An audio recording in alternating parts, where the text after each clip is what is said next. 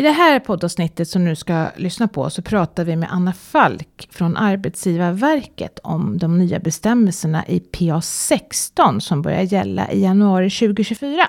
När avsnittet redigerades så märkte vi att Kristina Kamps mikrofon hade glappat under hela inspelningen. Och eftersom innehållet och informationen ändå är viktig så väljer vi ändå att publicera avsnittet. Men vi skickar med en ursäkt för den dåliga ljudkvaliteten. Vi ska göra vårt yttersta för att i framtida avsnitt få bättre ljud och se till att mikrofonerna fungerar som de ska. Men nu kör vi igång. Håll ut! För dig som jobbar i staten och är född 1987 eller tidigare så börjar nya bestämmelser att gälla från den 1 januari 2024.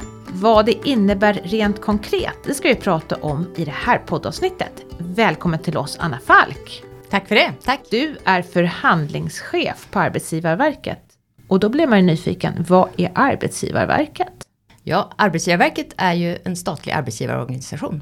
Mm. Och det är ju vi som för, företräder de statliga myndigheterna i just förhandlingar med våra motparter. Och där i kommer ju bland annat det här med tjänstepensionsavtal in. Mm. Så att eh, vi är en arbetsgivarorganisation som fungerar på det sättet att stötta våra medlemmar och medlemmarna är myndigheter under regeringen och kan även vara en del andra frivilliga medlemmar. Mm. Eh, vilka är era motparter, vilka är fackförbunden inom staten? Inom staten så på det övergripande området så har vi tre stycken motparter kan man säga som till viss del är lite som karteller. SACO-S företräder alla SACO-förbunden. Mm. OFR SPO är en förhandlingsorganisation för för eh, statstjänstemän, mm. officersförbundet och polisen. Och SEKO är ett LO-förbund. Ja. Mm. Och med oss i studion har vi också min pensionsexpert Kristina Kamp. Hej! Ja, hej hej! Hej! Och du jobbar på Min Pension och det behöver vi kanske inte förklara vad det är för något. Eh, men nu är vi faktiskt också nyfikna på vad det är för något som händer. Det är nya regler för statligt anställda som är födda 1987 och tidigare som jag sa. Och eh, de ska alltså omfattas av PA 16 avdelning 2. Är det så? Så är det. Det här ja. är ju framförallt avdelning 2 ja. och det är de som är födda 87 och tidigare. Mm. 87 och tidigare, mm. precis. Eh, och vad är de viktigaste förändringarna? De viktigaste förändringarna det är att vi får ett längre pensionsintjänande. Att vi fortsätter att ha ett premieintjänande som sträcker sig fram till 69 år. Man får alltså fortsätta jobba? Man får fortsätta jobba och, och mm. det får man redan idag. Mm. Men du får även en, en eh, pensionsintjänande när du fortsätter jobba. Det är jättebra. Mm. Här börjar hända grejer. Ja. Kommunerna har ju redan gått i bräschen för det mm. och det här och eh, så får vi se vad som händer på den sidan. Och man kan säga att vi har det ju redan för de yngre, de som är födda 88 och senare. De har några år kvar till pension. Det, det är det de har, det är därför. Och pensioner är långsiktigt, man måste jobba i tid. Mm. Varför behöver man göra förändringar då, i sådana här pensionsavtal ibland? Ja, alltså framförallt är det just nu den demografiska utvecklingen, hur det ser ut i samhället. Vi behöver vara kvar i arbetsmarknaden längre. Vi har behov av vår arbetskraft och vi har också vilja av att jobba längre. Det tror jag det är en väldigt viktig del i det hela. Mm. Och då blir det liksom en morot då när man får också pensionsavsättning? Absolut, och man gör, har gjort andra förändringar inom ramen för det, liksom, vi ska inte gå in på det med det allmänna systemet, mm. med att man också där skjuter upp uttagsåldrar och sådana saker. Mm hänga med. Mm. Men den andra delen handlade om flexpension. Absolut, jag tänkte komma till det. Det, var ja. det längre intjänandet, ja. det mm. tycker jag det är en viktig del i det hela. Mm. Men sen kommer också möjligheten att ha ett, ett högre intjänande på det sättet. Eller en ny, en ny eh, försäkring helt enkelt. Ålderspensionflex som tillförs för den här gruppen. Men, Bara för den gruppen? Den finns redan i de andra. Ah. Så och vi, liksom, de närmar sig eh, liksom, de två avdelningarna på det mm. sättet. Ja, vi kommer till det mera i detaljer, tycker jag, vad, vad det innebär. Jag tänkte ändå börja med den statliga pensionen, en hel del har ju faktiskt förmånsbestämda Absolut. Eh, pensioner i det här avtalet mm. som man är född i de här årgångarna. Mm. Berörs de av de här förändringarna? Det gör inga materiella ändringar i den förmånsbestämda pensionen. De, de ändras inte alls. Så det innebär att man fortfarande har intjänande till 65? Och... Det, de är slutbetalda vid ja. 65 år. Och det är nog en sån sak att, att göra förändringar i en förmånsbaserad pensionsordning är någonting betydligt annorlunda komplext. Så det har vi inte gjort. Men om man då vill jobba vidare och har en förmånsprocent, alltså man har lite högre lön och man tänker att det kan vara kul att jobba på jobbet. Vad händer med den pensionerna då? Den premiebestämda pensionen har ett fortsatt intjänande. Den andra är ju redan slutbetald. Ja, det låter som rena bingo. Mm. Men vänta nu, nu, måste jag bara, nu är inte jag riktigt med. Du, den, om jag har en förmånsbestämd... Du har inte bara det, du har en kombination. Ja, just det. Men det är ju bara en liten del i... Det varierar lite grann i vilken, hur åldersstrukturen ser ut. Men den förmånsbaserade pensionen är inte föremål för någon förändring. Nej. Jag tycker vi stannar med det. Ja, jag tycker visst. Och så om man vill jobba vidare då hamnar man i en prebestämd. Då fortsätter ditt intjänande i den premiebestämda pensionen som du redan har idag och så tillförs även en ny försäkring där. Ah, Ja, eh, men då undrar man ju, alltså gamlingar på jobbet, tycker ni att det är bra? Då ställer jag min motfråga. Är man en gamling när man är 65 år idag? Jag tror att det är så här att eh, vi har i, i statlig sektor väldigt många som fortsätter jobba. Och det är ju förstås lite relaterat till vad du har för arbetsuppgifter och vad du, vad, som, vad, du, vad du jobbar med och hur du orkar och hur du kan. Men intresset av att jobba längre är ju ganska stort och det är ju och vi behöver det som arbetsgivare också. Vi behöver den här kompetensen. Det kan vara jätteviktigt för att klara kompetensväxling nu. Ska vi ha in många unga så de, de som har varit med länge är ju bryggan över. Så ni tycker det här med åldersdiskriminering och sånt, det känner inte ni igen att det finns hos er? vet jag inte vad du vill gå in på inom åldersdiskriminering men jag tycker att, att skapa förutsättningar för att kunna få jobba längre är en jätteviktigt tycker jag. Mm. kul. Men sen är det det här med flexpensionen då. Som så, alltså tidigare i det här statliga avtalet har det funnits något som heter delpension för statligt anställda. Eh, och om jag då som har jobbat i staten några år minns rätt så var det ju någonting som man kanske kunde få ibland beroende på Mm. var man jobbade och hur man jobbade och sådär. Så hur blir flexpensionen annorlunda och vad händer med de som fortfarande så att säga kan få delpension? Hur, hur gör ni växlingen här? Vi får ju förstås ha övergångsbestämmelser när man inför något sånt här. Men om man säger så att en grund i helheten det är att delpensionen försvinner och då ersätts med den här flexpensionen som ju är ett, en, en premiepensionsintjänande för alla. Medan delpensionen var ju en möjlighet där man ju inte har någon, det är ju ingen rättighet utan det är ju en prövning på det sättet. Så på det sättet så kan man ju säga att det tillfaller ju ett större delen, alla har en möjlighet på det sättet för att man får ett extra pensionsintjänande. Och så får man dessutom lite mer pengar att använda. Ja, för att planera för din nedtrappning om man nu vill mot slutet kunna gå ner i arbetstid lite grann eller på något sätt. Och gör man inte det så har man med sig det den dagen när man slutar helt och hållet. Men delpensionen finansierades ju delvis av staten så att säga, så det, det försvinner. Det fanns, ja alltså precis, alltså delpensionsavtalet, Ja. jag måste bara få tydligt, det är ju ett Ja, kollektivavtal i sig också. Det var förmånligt på det sättet att du gick ner i tid men du fick en ekonomisk ersättning som motsvarade lite mer än den tidstappet. Precis. Och det har vi nu avtrappningsregler för att vi, vi fasar ut delpensionen. Men hur blir det då? För att jag menar, expansion och sånt finns ju i andra avtal också. Och ibland brukar man ju ändå, jag i alla fall flagga för att tänk nu på om du liksom tar ut det här. Dels ska du tappa sjukpenning och a-kassa och sådana här saker. Och hur blir det med pensionen för den som då använder sig av den här möjligheten till flexpension? Påverkar det totala pensionen sen när man väl blir pensionär? Alltså det är ju lite olika delar i det kan man säga, men, men vi reglerar inte ner anställningen utan det blir en tjänstledighet på den del du i så fall väljer att gå ner i tid mot slutet. Det är en spännande konstruktion faktiskt. Men det är så av, av det skälet att annars är det en ny anställning på staten. Det, det har med den statliga arbetsrättsliga eh, rätten att göra på det viset. Att det, vi reglerar inte om anställning utan du ansöker om att gå ner i tid och då blir det en tjänstledighet för den perioden. Men det kan påverka din framtida pension sen, det vill säga att du får lite mindre inbetalt. Ja, du får ju mindre inbetalt i, din, i, den, i alla fall i den premiedelen på det sättet eftersom du arbetar mindre. Vi ser ju att allt fler väljer att bli jobbonärer, det vill säga att man jobbar lite grann och sen så tar man ut pensioner samtidigt och lever livets glada dagar. Är det någonting som ni också ser växer, en växande trend i staten? Ja, det ser vi även där. Ja, Mm, mm, ja. mm. Vad gillar ni jobbonärer? Ja, som systemet ser ut nu så har vi väl egentligen ingenting emot det. Sen kommer ju andra frågor kopplat till det, det här med att ha möjligheter att pausa pensioner och sånt. Men vi har ju inte det på det viset Nej. ännu. Och vi har hos oss möjligheten att du kan ha avgått i pension men du kan även efter det ta en ny anställning eller fortsätta arbeta.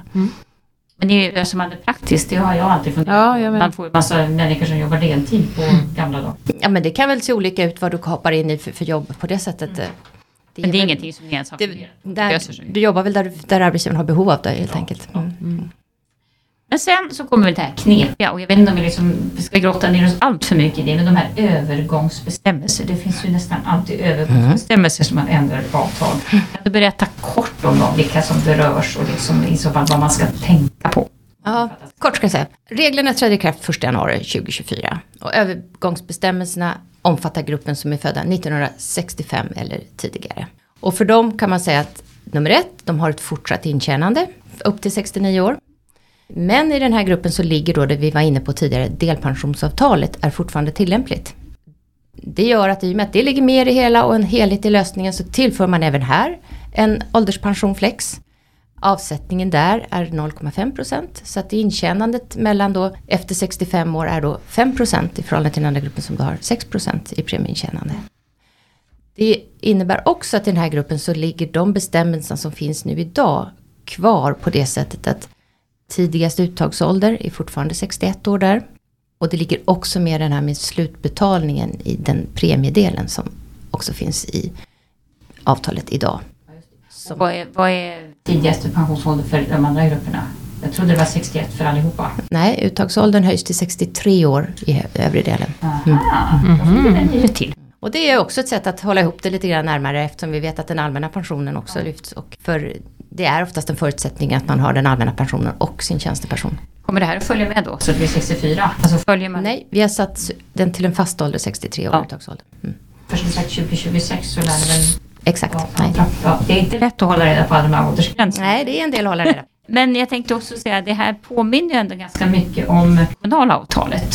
Har ni liksom sneglat på dem när ni har förhandlat? Ja, men jag tycker nog att det gör det väl inte alls. Alltså, kommunala avtalet gör ju en jättestor förändring. De erbjuder ju att gå över helt i en premiebestämd ordning. Så att vi har helt olika konstruktioner i våra avtal tycker jag. Men vi ser båda behovet av att skapa förutsättningar för att ett längre arbetsliv. Jobba längre, ja, just det, ja. Mm, mm. Men hur har ni resonerat då varför ni liksom inte har den här lösningen? Att man kan välja vilket avtal man vill ligga kvar i och hur, hur har ni tänkt där? Det är ju helt en för, en, utifrån hur den statliga förmånsbestämda pensionen är konstruerad. Som ju faktiskt är en speciell försäkringsrörelse som SPV har ansvar för. Och, eh, så det, det, är väldigt kopplat till den konstruktionen man har. Det, det hade inte varit genomförbart. Nej. Nej. Eh, men då är nästa fråga då. Eh, för kommunala avtalet, där har man ju ändå sagt att man tycker att det, det här löste sig så bra ekonomiskt. Alltså det, det liksom blev inte dyrare, påstår de i alla fall. Hur är det med er? Finns det en prislapp på det här? Det finns en prislapp, absolut. Och, och det, det, har vi landat i också, att vi måste hantera det här inom vad vi säger befintliga avtalsvärden. Och som du hörde då så är det ju en del förändringar i just PA16-avtalet. Det här med att eh, senare uttagsåldrar och att vi tar bort delpensionsavtalet och slutbetalningar och några andra små detaljer i det hela. Men sen har vi också fått titta i andra gemensamma avtal och göra förändringar i det. Där vi har avsättningar som har kopplat till vårt gemensamma partsråd. Vi pratar om våra lokala omställningsmedel och vi pratar om en annan reglering kring det här med inhyrning av arbetskraft och sånt. Så vi har fått ihop en helhet och finansierat det inom våra befintliga avtal. Då blir man ju nyfiken, vilka är förlorarna? Nej men alltså sen kan det ju, och då är det väl det man kan säga så här i diskussionen.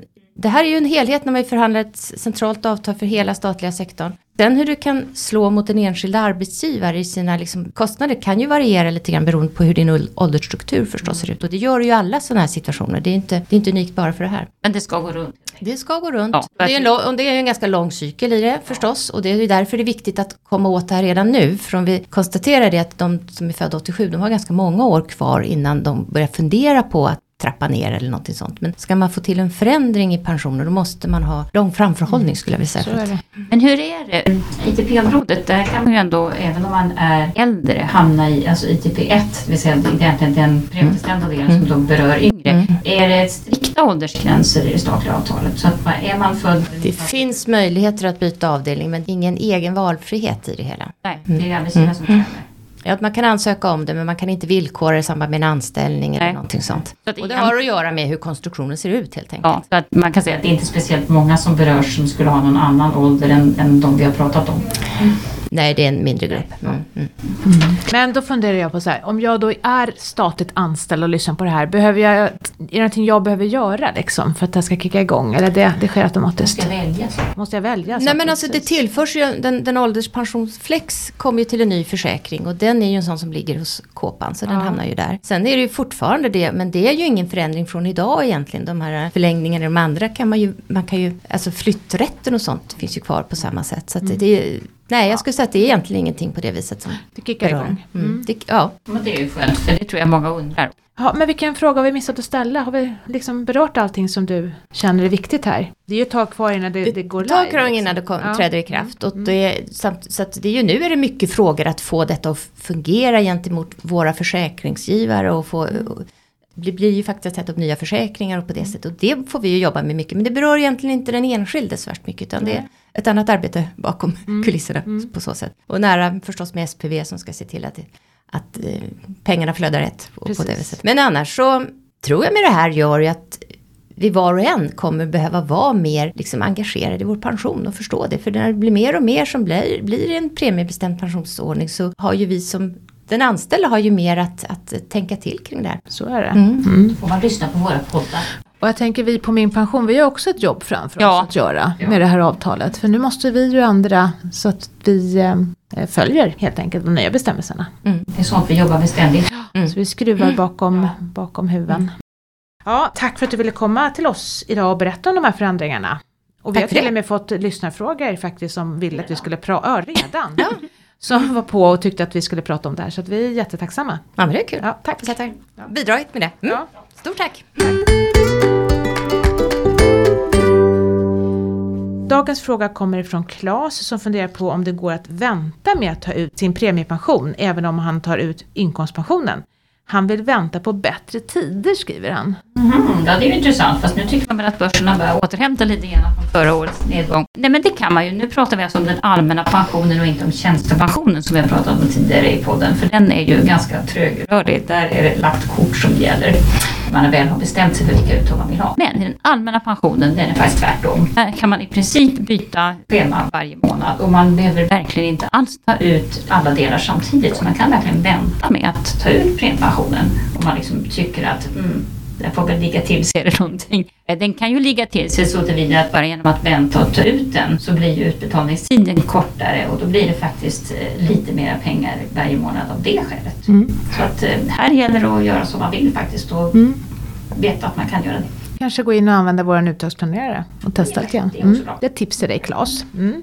Då var det allt för oss idag. Tack för att du har lyssnat. I dagens avsnitt deltog Anna Falk från Arbetsgivarverket, Kristina Kamp och jag Maria Eklund från Min Pension. Och Min Pensionspodden görs av Min Pension som är en oberoende tjänst i samarbete mellan staten och pensionsbolagen. Och det är på Min Pension som du får bättre koll på dina pensioner. Alldeles gratis och utan försäljning faktiskt. Nya avsnitt släpper vi varannan fredag och tidigare avsnitt hittar du i kanaler där poddar finns. Sök på Min Pensionspodden så dyker vi upp. Om du gillar podden så tycker vi att du ska följa oss i din poddkanal så att du inte missar när vi släpper nya avsnitt.